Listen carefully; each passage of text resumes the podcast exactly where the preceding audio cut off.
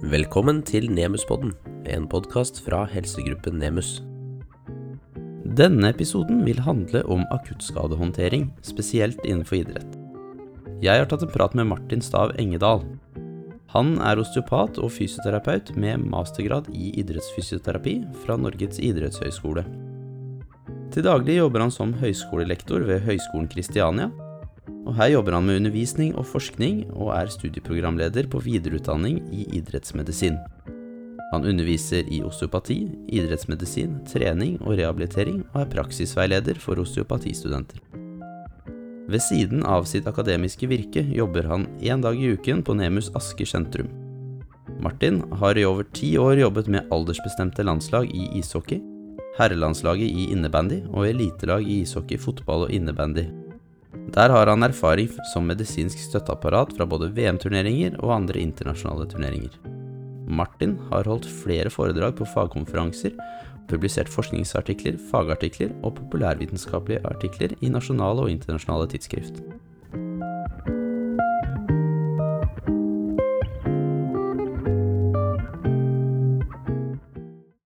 I dag sitter vi i et uh, ganske lite, men uh, for så vidt uh, koselig podkaststudio på Høgskolen Kristiania. Og vi har Martin på plass, klar for å snakke litt om idrettsskadehåndtering. Mm. Akutt idrettsskadehåndtering. Hva vi gjør de første dagene. Og da tenker jeg det er naturlig å definere hva en akuttskade er. Ja, kan jo starte med det. Det jeg ofte sier kjennetegner en akuttskade, det er jo at det er en sånn spesifikk og identifiserbar hendelse.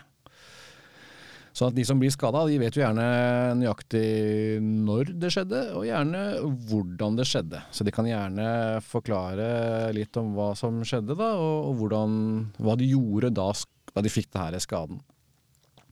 Og Så skiller vi gjerne mellom eh, kontaktskader og non-kontaktskader, hvor du får en skade hvis du krasjer med motstander, eller får en takling, eller uh, tråkker over på en ball, eller uh, kolliderer med noe annet. Så er det da, gjerne da en kontaktskade.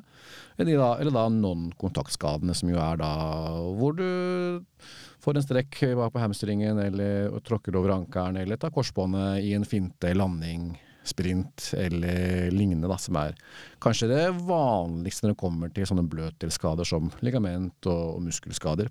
Ja. Så Det er det som er det typiske kjennetegnet for akuttskaden. Og så vil det alltid være en inflammasjonsprosess da, og en gradvis tilheling, hvor jeg vil gå gjennom ulike stadier på veien til full eh, tilheling. Ikke sant. Så akuttskadene er det man eh, ser skje?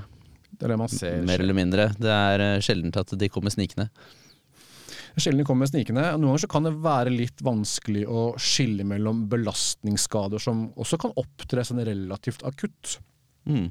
Men eh, en forskjell på en belastningsskade som opptrer akutt og en akuttskade, det er det at en belastningsskade som opptrer akutt, skjer kanskje ikke i én en enkelt hendelse.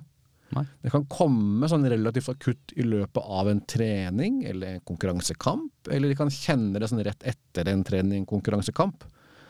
Eh, så kan den ha opp, altså symptomene kan oppdra akutt, selv om skademekanismen er en belastningsskade. Ja. En sånn akuttskade den skjer jo i en spesifikk hendelse. Ja, og man kan vel ha et tilfelle av at begeret renner over, ikke sant. At du har en eh, underliggende belastningsutfordring. Mm. Og så plutselig opptrer det som en akuttskade. For det kan også gjøre. Eh, mm. Særlig senerupturer, altså akillesseneruptur er et veldig godt eksempel på en skade som jo alltid nesten alt iallfall, er en belastningsskade i forkant. Ja. Det er liksom sånn 97-98% av alle akilles senerupturer skyldes jo at det er en uh, tendinopati da, i forkant. Ja. Mindre det er ekstremt stor energi og krefter i bildet. Da kan det skje på en frisk uh, scene også. Men senerupturer har, en, har gjerne en svakhet i forkant, men, ja. akutt, det er likevel akuttskade når det oppstår, som en ruptur. Ikke sant. Mm. Det er noe, noe vedlikehold i forkant som er neglisjert. Sannsynligvis. Så er det jo spørsmål hva er uh, akuttskadebehandling, da? Eh, hva er det vi snakker om da? Er det første timen, er det første uka, eller er det første mm. tre ukene? Ja, eh, det er et godt spørsmål. For det kommer selvfølgelig litt an på hvor eh, stor skade det er, og kan du si alvorlighetsgraden av skaden. Men vi kan likevel kanskje definere akuttskadebehandling som det vi gjør den første tiden, og særlig i inflammasjonsfasen.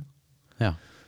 Eh, og så er det hvor lenge den varer, avhenger jo av eh, hvor stor skaden er, hvilket vev som er skada, og også likevel sånn ulike individuelle forskjeller da, fra person til person. Så kan den ha forskjellig varighet. Så akuttskadebehandlingen er måte det vi gjør når skaden opptrer, og de første dagene. Og så lenge det er sånn synlig inflammasjon, og smerte og hevelse, så kan vi gjøre akuttskadebehandling. Ja. Så det er eh, det som skjer på banen og hjemme hos utøver eh, kanskje like mye. Mm. Absolutt.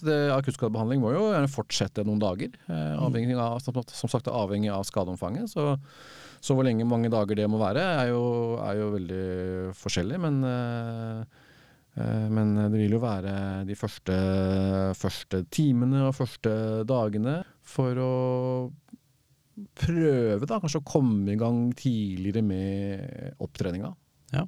Hvis vi sier at det handler om flere dager, så er det én ting det vi som støtteapparat eventuelt gjør, eh, men da bør det jo være like viktig hva vi klarer å formidle. Mm. For det er jo i de fleste tilfeller eh, utøver etterlatt, overlatt til seg selv eh, hjemme som skal gjøre, eller følge opp, da. Det blir mange timer med dem og få timer med oss. Mm. Så har du noen tanker om hva, hvordan man kan eh, sørge for at utøverne vet hva de skal gjøre? da? Ja, opplæring er jo alltid viktig for pasientene våre, uansett om det er eh, pasienter på klinikken eller idrettsutøverne våre. Så det er viktig å lære de opp i akuttskadebehandlingen selv, sånn at de vet hva de skal gjøre, hvor lenge de skal gjøre det, og hvordan de skal gjøre det. Så vi må alltid lære de til eh, hvordan de legger på kompresjon, og ja, hva de skal kjenne etter om uh, f.eks. kompresjonen er for stram eller for løs. eh, og, og det er det viktig å lære de opp til synes jeg i hvert fall da, hvorfor vi gjør det. Ikke bare hva de skal gjøre. Men eh, det er mye lettere å gjennomføre noe når du, når du forstår hvorfor. Hva Ja. er formålet med det. Um, det er større sjanse for at de også gjennomfører det, hvis de, hvis de vet, eh, forstår hvorfor. Ikke bare noe de blir fortalt at de skal gjøre av en eller annen tilfeldig fysio eller noe sånt. Så Ja. tror jeg det er mye større sjans- sjanse for at de, de gjør det. Så ja, vi må viktig å lære de opp, for de skal jo stort sett eh, gjøre dette her på egen hånd. Tenker du da som idrettslag at man i hvert fall kanskje burde ha en sånn kveld som noen har med akuttskadebehandling? Mm.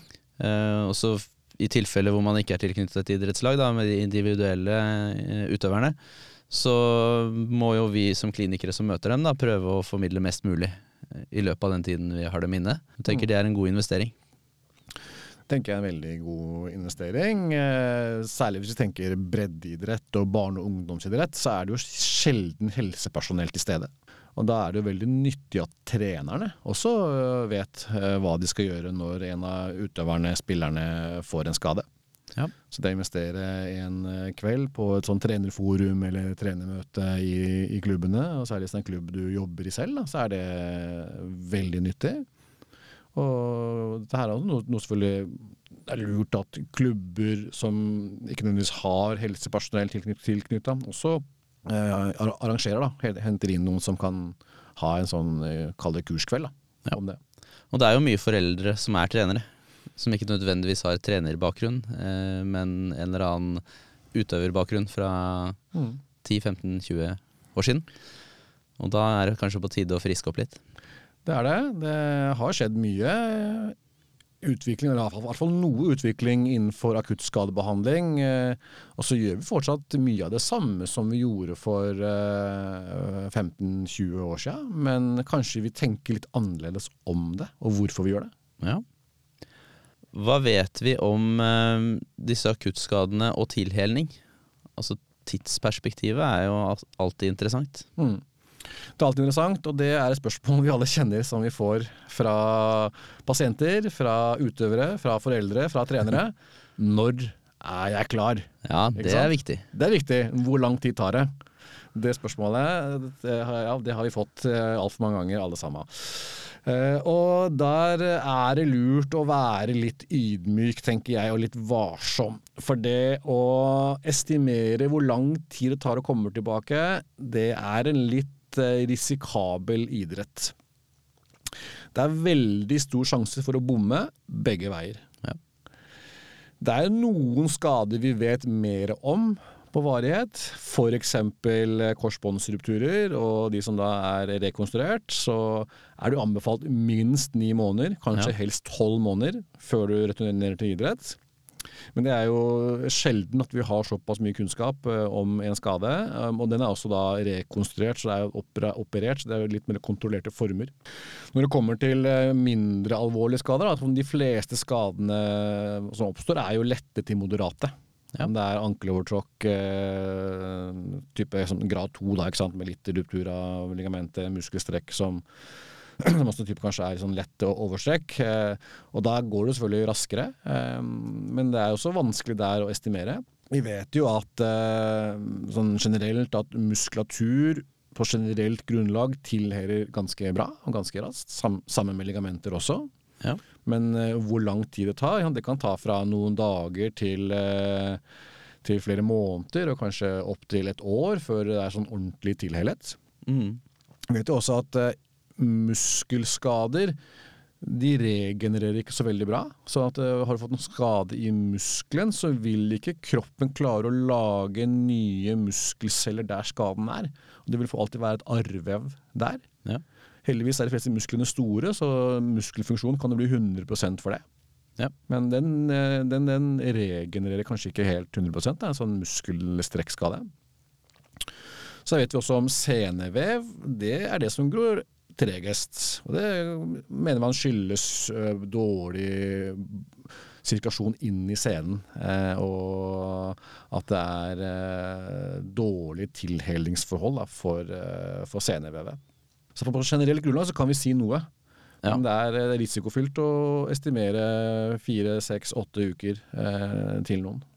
ja, og det er jo en det blir jo en, Man skaper jo en forventning Mm. som er vanskelig å innfri. skaper en forventning, og, og det er det som er liksom det skumle med det. da, at Du, som sagt, du kan bomme, bomme begge veier. Du kan uh, si, at, si at det tar lengre tid enn det tar, og så er det en helt annen positiv overraskelse. Men allikevel så har du jo gjort en sånn faglig feilvurdering på et tidspunkt. da. Nå er det. Uh, sånn at da tenker de kan man kanskje tenke, vurdere om ja, er, var det et godt forslag. Uh, og, og lover du at de skal komme raskere tilbake enn de gjør, så er det også sånn Du skaper en forventning som kan være vanskelig å møte. Det kan jo være, ja, det er jo en forventning som er vanskelig å møte, men det kan jo være litt risikosport også. Altså Hvis man tenker på eh, reskade, da. Mm. Det er det det er, og det er jo noe- fint at du sier det. For det, det vi også vet er jo den aller viktigste risikofaktoren for å få en skade. Det er jo å ha hatt en skade før. Ja. Så har du tråkka over én gang, så har du dobbelt så stor- sjanse som å tråkke over en gang til på samme ankel enn på den andre ankelen du ikke har tråkka over. Mm. Samme gjelder muskelstrekker òg. Har du hatt en muskelstrekk, så er det større sjanse for å få en ny en enn om du ikke har hatt en eh, strekkskade før.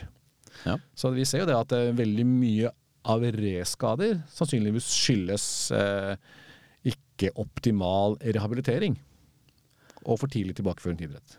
Tror du at noe kan også skyldes noen forutsetninger som lå forut for den første skaden, som fortsatt er der, og ikke er blitt korrigert?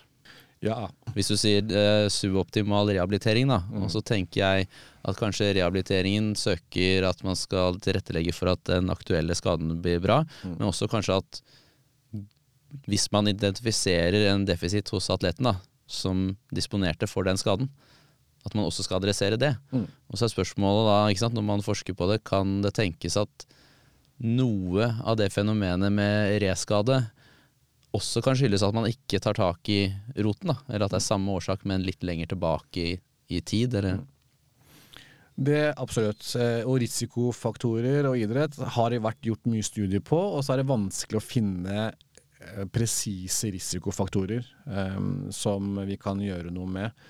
Men det vil jeg også kanskje likevel si ligger litt i rehabiliteringen.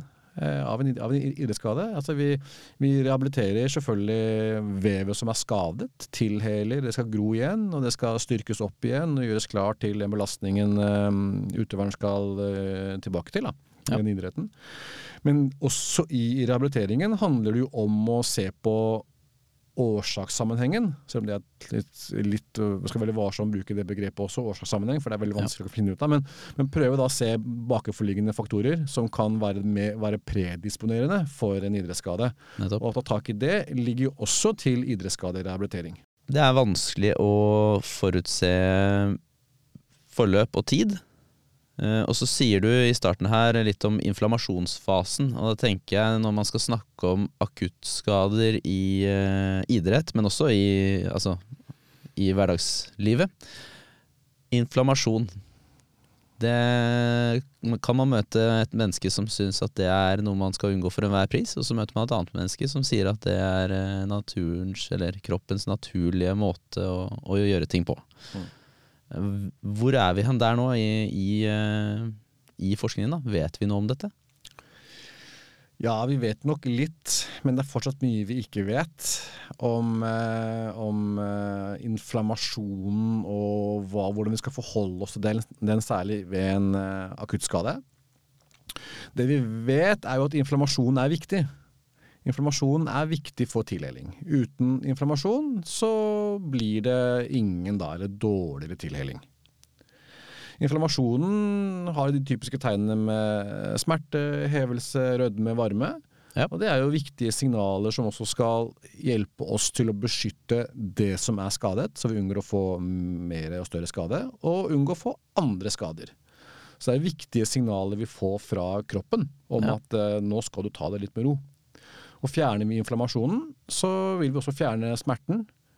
Og hvis vi da fjerner den smerten og setter i gang med aktivitet eh, og trening før skaden er tilhelet, så, så, er det stor sjanse for å få en ny skade, forverre skaden og slå opp skaden, da, som man starter, eh, starter for tidlig. Så informasjon er jo viktig, eh, både for å beskytte det som er skada, men også aktiverer det da kroppens immunforsvar, da, som setter i gang tilhelingen inflammasjon er kroppens måte å starte tildelingsprosessen. Er det sånn å forstå? Ja, det, jeg, det er sånn å forstå. Inflammasjonen tiltrekker seg reparasjonsceller. Og aktiverer da de hvite blodlegemene og egentlig immunforsvaret, sånn sett. da. Selv om vi kanskje, ikke ofte snakker om eh, immunforsvaret så mye på akuttskadebehandling, men det er jo immunforsvaret her som også kommer til. Eh, de hvite blodcellene er også viktige for å unngå sekundær skade. Eh, og infeksjon, eh, særlig hvis det er litt åpne sår også, da, ja. Eh, som jo kan skje ved en del akuttskader. Så skal det jo beskytte oss på den måten også. Og så hjelper det også da til med å fjerne døde celler og vev etter hvert. Altså de kommer og rydder opp. da. Makrofagene spiser og rydder unna. sånn at vi vil jo at det skal være en inflammasjon der. Så hvis man jobber aktivt for å fjerne hevelse, så er det kanskje vesentlig at man eh, reduserer hevelse ved å øke tilbakestrømming og ikke tilstrømming? Ja, det er et godt, godt poeng. For det, nå er vi inne på også behandlingsprinsippene. og det, eller det vi mener kanskje er det viktigste tiltaket sånn helt akutt, er å få ned hevelsen. Ja. Nettopp ved å fremme tilbakestrøm. Og Det er derfor vi bruker kompresjon og elevasjon. For vi presser væsken eh, ut, og vi lar den renne tilbake. Ja. Så vi vet også at hevelse legger seg rundt det som er skadet, eh, og legger seg i interstitialvæsken. og tar opp plass. Det blir større avstander mellom eh, cellene. og det kan også føre til eh, hypoksi, da, å få sekundær skade pga. for lite oksygen til vevet rundt. Så ja. det, er også en annen grunn til at vi vil få vekk hevelsen så fort som mulig og så mye som mulig. Ja. Og så må man kanskje differensiere hevelse og inflammasjon. Absolutt. Du kan ha hevelse uten å ha inflammasjon. Mm. Men du har alltid hevelse når du har inflammasjon. Ja. Og Så er vi inne på da behandlingsprinsippene. Mm. Og der har man sikkert hørt eh, fryktelig mange akronymer. Med få bokstaver og mange bokstaver og hele setninger. Er det noe som er mer eller mindre gjeldende i dag, eller er det litt sånn ta det du hørte sist? ja, Eh, skal vi starte med konklusjonen? Det kan vi godt. det er jo at uh, det fins mange akronymer, som du sier, Markus. Uh, og vi har RISE og Price og Peace og Love og Police i det hele tatt. Og da pleier jeg å si at det er samme hvilke av de akronymene du følger, Ja. så lenge du gjør noe. Mm.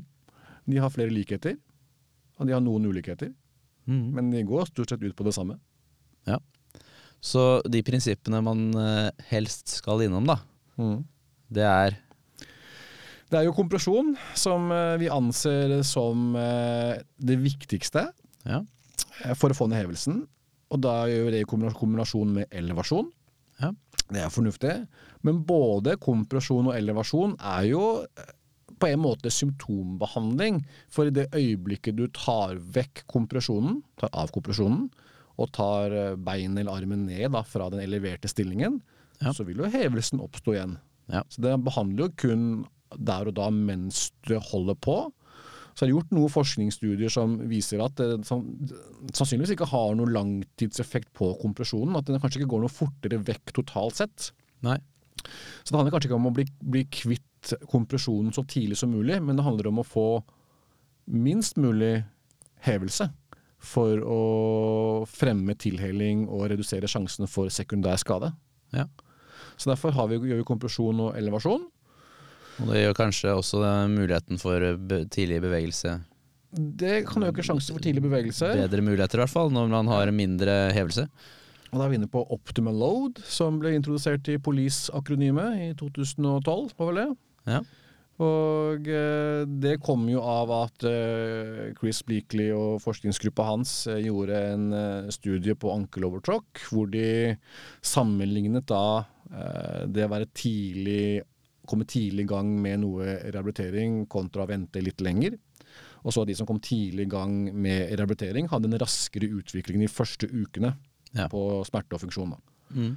Over tid så ble den forskjellen utlignet, og gruppene endte opp med like høyt funksjonsnivå. Men de som hadde litt tidlig mobilisering, tidlig belastning, de hadde litt raskere utvikling de første ukene. Ja. Og det er eh, egentlig litt bakgrunnen for eh, optimal load-prinsippet i Police-akronymet. ja.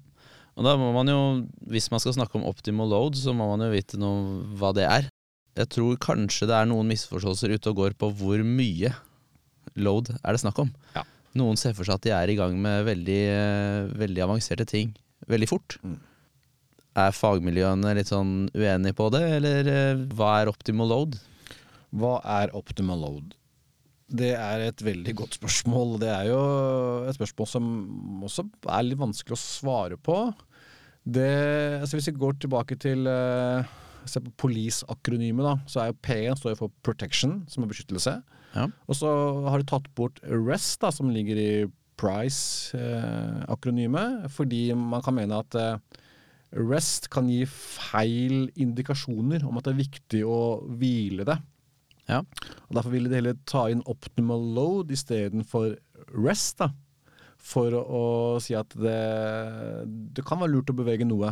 Ja. Men de første dagene så kan den optimale belastningen være ingen belastning. Så optimal load kan være rest, Ja, og det er det som er poenget. Optimal load kan godt være rest. ikke sant? Det kan godt være hvile, særlig de første dagene.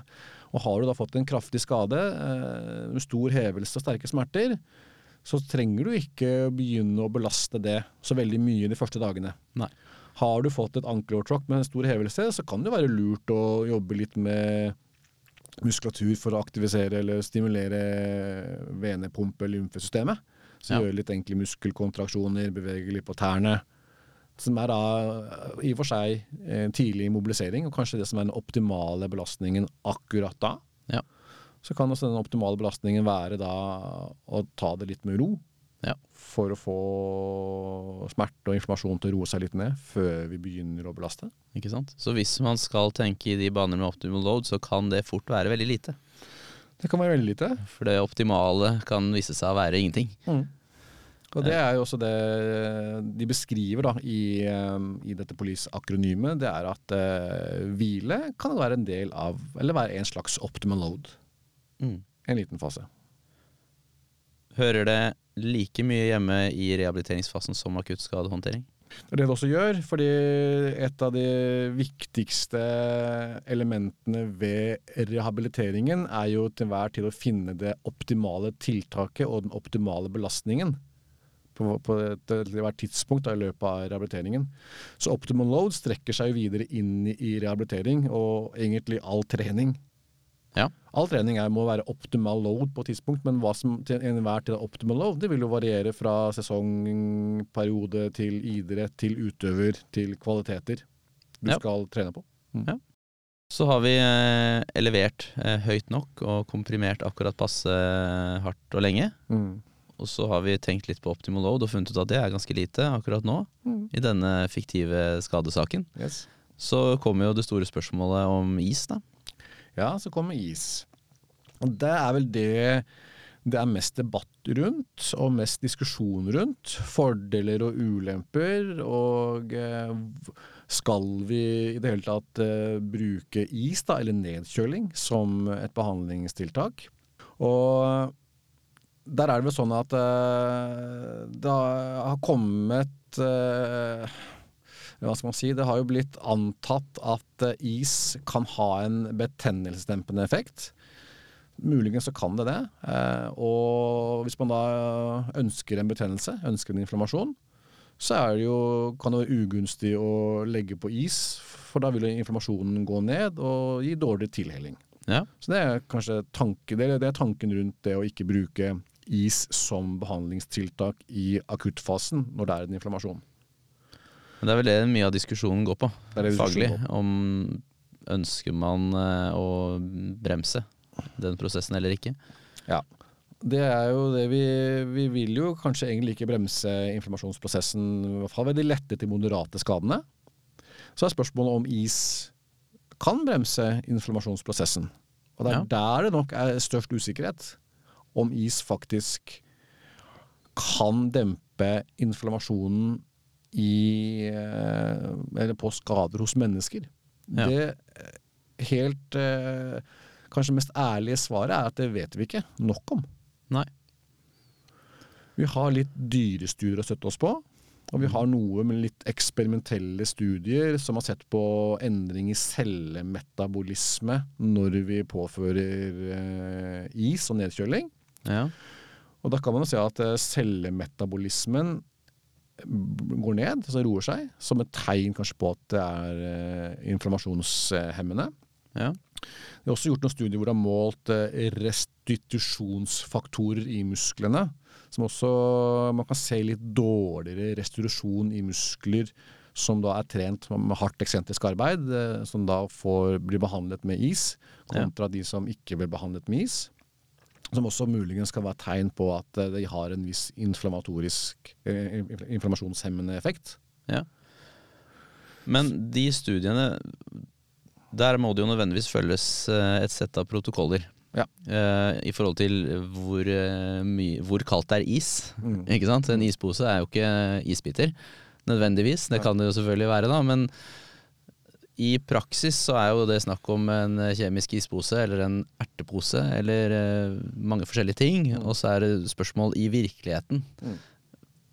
Tror du at man oppnår en nedkjøling i det vevet som er tilstrekkelig til å bremse inflammasjonsprosess?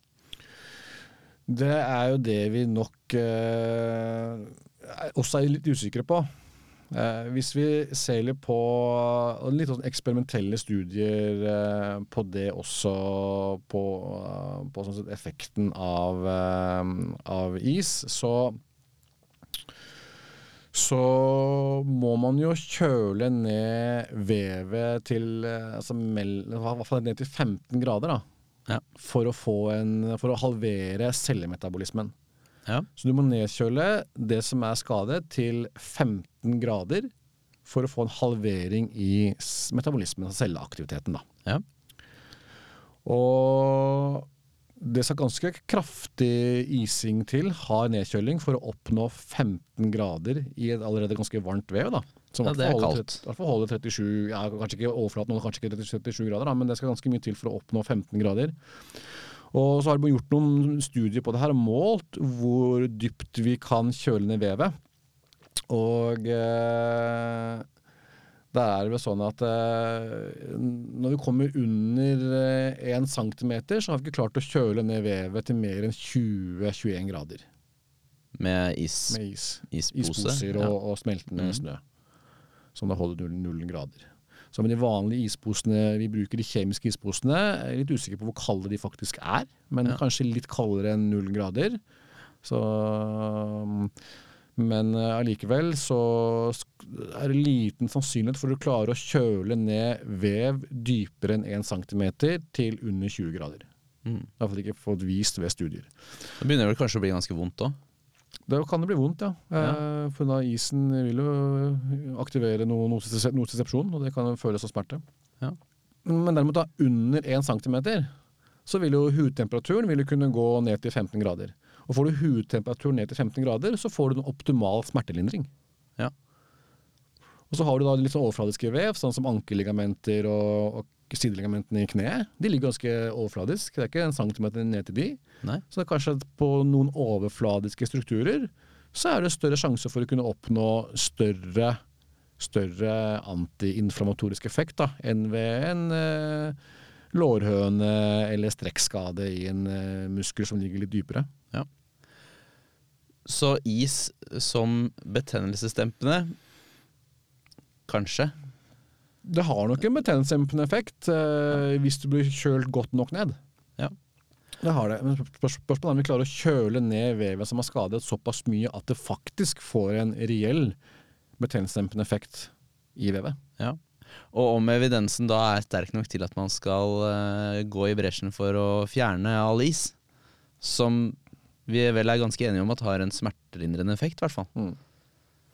For det er det, det som kanskje er først og fremst er formålet med is, eh, er eh, å dempe smerter. For is har en smertedempende effekt. Ja.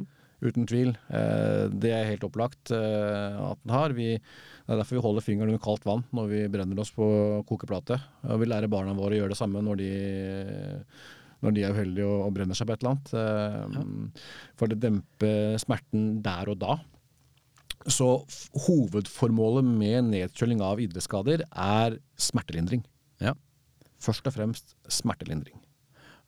Og hvis vi da skal snakke om at kanskje det er en antiinflamatorisk antiinflammatorisk effekt, så blir jo oppfølgingsspørsmålet eh, blir jo hvilken betydning har egentlig det for rekonvalensen? ikke sant? Om man da har en marginal, eh, eller noe mer enn marginal, antiinflamatorisk effekt Mm. Første dag, to dager, noe sånt. Hva betyr det for forløpet? Det er jo et naturlig oppfølgingsspørsmål, da, ikke sant? Det er det. Og det ærlige svaret her er at det vet vi heller ikke nok om. Men eh, vi kan jo trekke en sammenligning mellom eh, betennelsesdempende medisin, altså NSIDES, Ja. og, og is og nedkjøling. Og eh, jeg tror, nå blir det et sånn tronivå, da, eh, at eh, jeg tror ikke at vi klarer å skape en like stor betennelsesdempende effekt med nedkjøling som vi gjør med Voltaren og andre Insides. Nei. Fordi den virker systemisk, eh, og den har jo en, også en reell sterk antiinflamatorisk effekt. Og hvis vi kan redusere, kanskje nesten maksimalt halvere cellemetabolismen i det skadede vevet, så vil vi ikke stoppe betennelsen. Kanskje vi demper den noe, men vi vil ikke fjerne den helt, som vi kanskje mer eller mindre gjør med betennelsesdempende medisin. Så det å sammenligne is med NSIDES, det er jeg usikker på om vi kan gjøre per nå. Jeg tror ikke vi, vi, vi kan det, for den NSIDESen vil være mye sterkere og virke mye hardere på vevet enn en nedkjøling. Så N-sides kanskje ikke så høyt på anbefalingsstigen som is, da.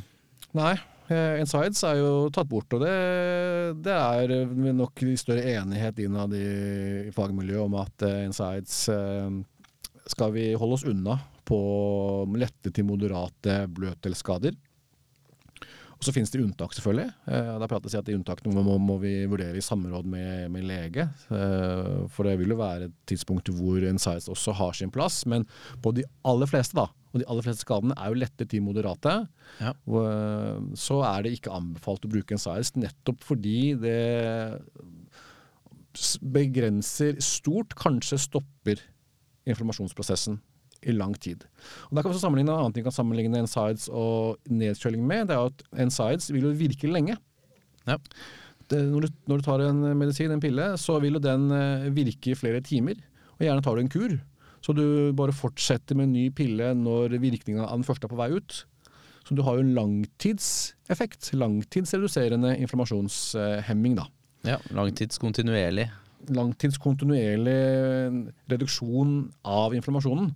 Mens is vil jo i verste fall da, virke betennelsesdempende mens den ligger på, og du har kjølt ned vevet til 20 grader ca. Eller kanskje 15 grader, eh, helst. da. Eh, når du da tar av isen, så tar det ikke så lang tid før vevet varmer seg opp igjen. Og den eh, betennelsesdempende effekten isen ga, gir seg jo ganske raskt. Så er det jo en annen bivirkningsprofil. Da. Det er en helt annen sak også. Så skal man eh, skal ta det med i betraktning også, så er det jo eh, De verste fall bivirkningene du har av is, er jo selvfølgelig frostskader. Så det skal man jo være følge med på. Eh, og Derfor vi bør legge noe mellom huden og det vi kjøler, kjøler ned med. Og så bør vi bruke smeltende is eller isbiter, fordi det holder null grader. Og mye mindre sjanse for frostskader da kontra å bruke en kjemisk ispose som er litt kaldere, eller noe Ja. annet som da har kraftigere nedkjøling. Så eh, det er kanskje den viktigste smerten, den viktigste bivirkningen eh, vi må følge med på, på når vi bruker isposer og, og nedkjøling. Sier vi til er det veldig hard nedkjøling, så kan det jo gå ut over nerver og arterier også, men, eh, men eh, det skal ganske mye til, da. Ja. Og så er jo andre mens bivirkningene ved en sites er jo systemiske på en helt annen måte. Det naturlige spørsmålet blir jo da skal man anbefale is eller ikke? Ja, det er jo da et godt spørsmål. Og nå, hvis, hvis vi stiller et annet spørsmål først, da. Kan is begrense vevstilhellingen? Ja. Så er, spørsmål, så er svaret tja, det veit vi ikke helt. Du det hardt nok, så vil det muligens ha en effekt. På de aller fleste skader så vil det sannsynligvis ikke påvirke tildelingen negativt. Nei. Og så vet vi at is har en god smertedempende effekt, som også varer en liten stund etterpå, når du tar av isen, fordi det tar litt tid før det varmer seg opp. Så vil man si at ja, bruk is som eh, smertedempende tiltak de første dagene etter en akuttskade. Ja. Og det er også de internasjonale anbefalingene. At eh, det er Bruk det som smertedempende eh, tiltak de første dagene, eh, så lenge det er behov for det. Ikke bruk det mer enn nødvendig heller. Så hvis det ikke er så sterke smerter at det trengs å legges på is, så trenger man ikke det. Men det er et godt smertedempende tiltak. Så anbefalingen er å bruke is eh, som smertelindring. Og så går fortsatt denne diskusjonen, og da er spørsmålet hvor eh, evidensen peker, da. Eh, hvor solid er det i hvilken retning? Mm. For vi har jo vi har noen studier som da viser at nedkjøling påvirker cellemetabolismen, og noen sånne restitusjonsfaktorer. Men det er relativt små studier, og det er eksperimentelle studier. Så har vi noen dyrestudier som også viser at det kan påvirke inflammasjonen og dempe den. Men per nå så synes jeg at vi har for lite dokumentasjon til å si at vi skal kutte ut is helt. Ja. Kanskje det vil endre seg over tid. Kanskje vi får mer eh, datagrunnlag å, å, å vurdere, og kanskje vi kommer til å se at is har en eh, betydelig inflammatorisk eh, dem, har en betydelig demping på inflammasjonen. Men per nå så har vi ikke nok kunnskap til å kunne si at uh, vi skal kutte det helt ut. Nei, og hvis, hvis uh, det er snakk om en effekt, så er det vel snakk om en størrelsesorden på noen dager uh, tidligere eller senere tilbake til idrett. Mm. Og da kan man jo videre ta diskusjonen om hvor relevant det er for den jevne utøver. Er du på De fleste utøvere er jo på Ikke, ikke på toppnivå. Eh, så om det tar en dag eller to ekstra, har sannsynligvis ikke så veldig mye å si. Og Hvis du er på toppnivå, så har du vel en del annet apparat rundt også som har eh, påvirkning. Ja. Du har det. Sannsynligvis vil det ikke ha så veldig mye å si for hvor lang tid det tar heller. Men kan, man kan faktisk også sette en, en linje mellom optimal low, da, som vi snakka om i stad, og nedkjøling. Fordi nedkjøling har en smertelindrende effekt. Så kanskje den smertelindrende effekten gjør at du kan komme i gang med noe mobilisering, noe aktivering. Ikke sant? For du demper smerte. Ja. Så kanskje is har en ka- ka- Kanskje is kan fremme tilhelling. Ja. Fordi du kan komme tidligere i gang med noe aktivitet enn hvis du ikke iser. Så Ja. det er sånn så For å se, det, se det fra, fra den andre siden, da. Så kanskje is har en, eh, er en fordel for å kunne gjøre noe aktivisering for du kan dempe smerten og fortsatt holde vev i gang. Hvis vi vet at vi mangler evidens på enkelte ting, og det er oppstått uh, forskjellige strømminger over forholdsvis kort tid i, uh, i miljøet da, rundt de som behandler akuttskader, er det veldig erfaringsbasert, opplever du? Ja, det er jo det. Er jo det. eh, Og mye av grunnen til at vi har lite forskning på akuttskadebehandling, at det er vanskelig å forske på. Ja. Det er, det er liksom litt etisk vanskelig, men det kan man jo komme, komme seg rundt. Men så er det da praktisk vanskelig også, for du må jo ha akuttskader. Ja. For å kunne gjennomføre ulike behandlingstiltak på de. Skal du da sammenligne ulike behandlingstiltak, så må du ha ganske mange akuttskader for å få god nok stat stat stat statistisk analyse på det. Ja. Så det er, det, er, det er vanskelig, det er tidkrevende og også sikkert litt økonomisk eh, kostnad eh, som er, som er ganske høy da, ved å gjøre forskningsstudier på akuttskader. Som kan også, også være en av grunnene til at vi har lite eh, forskningsstudier på det. Så har vi jo noe, og da er det sånn vanskelig å også konkludere ut ifra de, at det er noen studier som viser at ja, man kan komme litt tidligere i gang, man kan få litt De som får akuttskadebehandling, får litt raskere, mindre smerter og bedre funksjon. Um, så vi kan gå kanskje ikke hevelsen raskere ned. Det er gjort noen studier som sammenligner is og kompresjon, men bare kompresjon på hevelse. Og da hadde jo ikke is og kompresjon noe bedre effekt enn kun kompresjon på hevelse. Så, så vi har jo noe kunnskap å støtte oss på der, men det er fortsatt mye erfaringsbasert. eh, Og eh, tiltak som er basert på um, altså eksperimentelle studier, ikke kliniske studier. Ja. Sånn at vi vet litt hva som foregår i vevet. Så litt sånn flåsete så sier jeg noen ganger at uh, akuttskadebehandling er litt det nærmeste vi kommer kjerringråd innenfor moderne medisin. For det er veldig sånn erfaringsbasert. Eh, det er jo ikke helt riktig selvfølgelig, men, og, det er satt på spissen. Ja. Men, eh, men det er jo veldig sånn erfaringsbasert, og vi vet egentlig ikke om altså, hvil- hvil- hvilken effekt eller hva, hva det gjør for den som er akuttskadet. Vet litt, men ikke nok. Nå har vi vært gjennom eh, mye, drolla litt rundt eh, akuttskadebehandling. eh, og da er det jo nyttig kanskje for mange å få en liten oppsummering. Mm. Hva som gjelder nå. Ja. Det, det kan vi godt gjøre. og Da tenker jeg vi kan se på hva formålene er med akuttskadebehandling. Ja. Vi skal jo da f.eks. hindre ytterligere skade.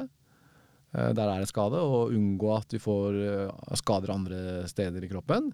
Og da er det jo rest og protection, da, hvile og beskyttelse, som gjelder for å unngå mer skade. Ja. Og så ønsker vi å redusere smerter, for det- akuttskader er vonde. Så det er fornuftig å få ned smerten eh, mens den er intens. Og da kan vi bruke is og elevasjon. Elevasjon Ja. men også få ned trykket rundt skaden og kunne redusere smerter. Og så ønsker vi å redusere blødning og hevelse. Og da er jo kompresjon og elevasjon tiltakene vi bruker på det. Ja. Kan jo kompresjon være litt smertefullt, fordi det, den skal være ganske stram. Ja. Men uh, at den er litt stram, det kan veie opp for uh, At den er litt vond, da, for den er stram, kan veie opp for effekten det kan ha på, på hevelse.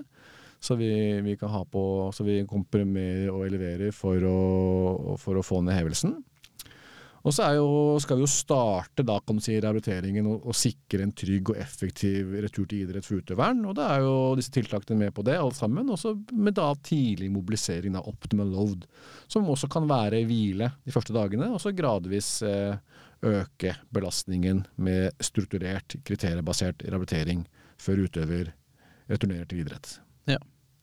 Så kan man jo tenke seg at det er nyttig å ta de, de eh, momentene som eh, de forskjellige miljøene er enige om, og ha fokus på det. Og det er vel kompresjon og elevasjon. Det er, og en eller annen variant av hvilebeskyttelse hvile, beskyttelse, tidlig start med bevegelse.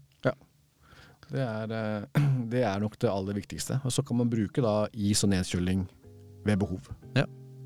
Takk for eh, at du tok deg tid til å eh, dele litt av tanker og synspunkter på akuttskadebehandling. Takk for at jeg fikk eh, komme, Markus. Så satser vi på at det er noen gullkorn for folk å ta med seg.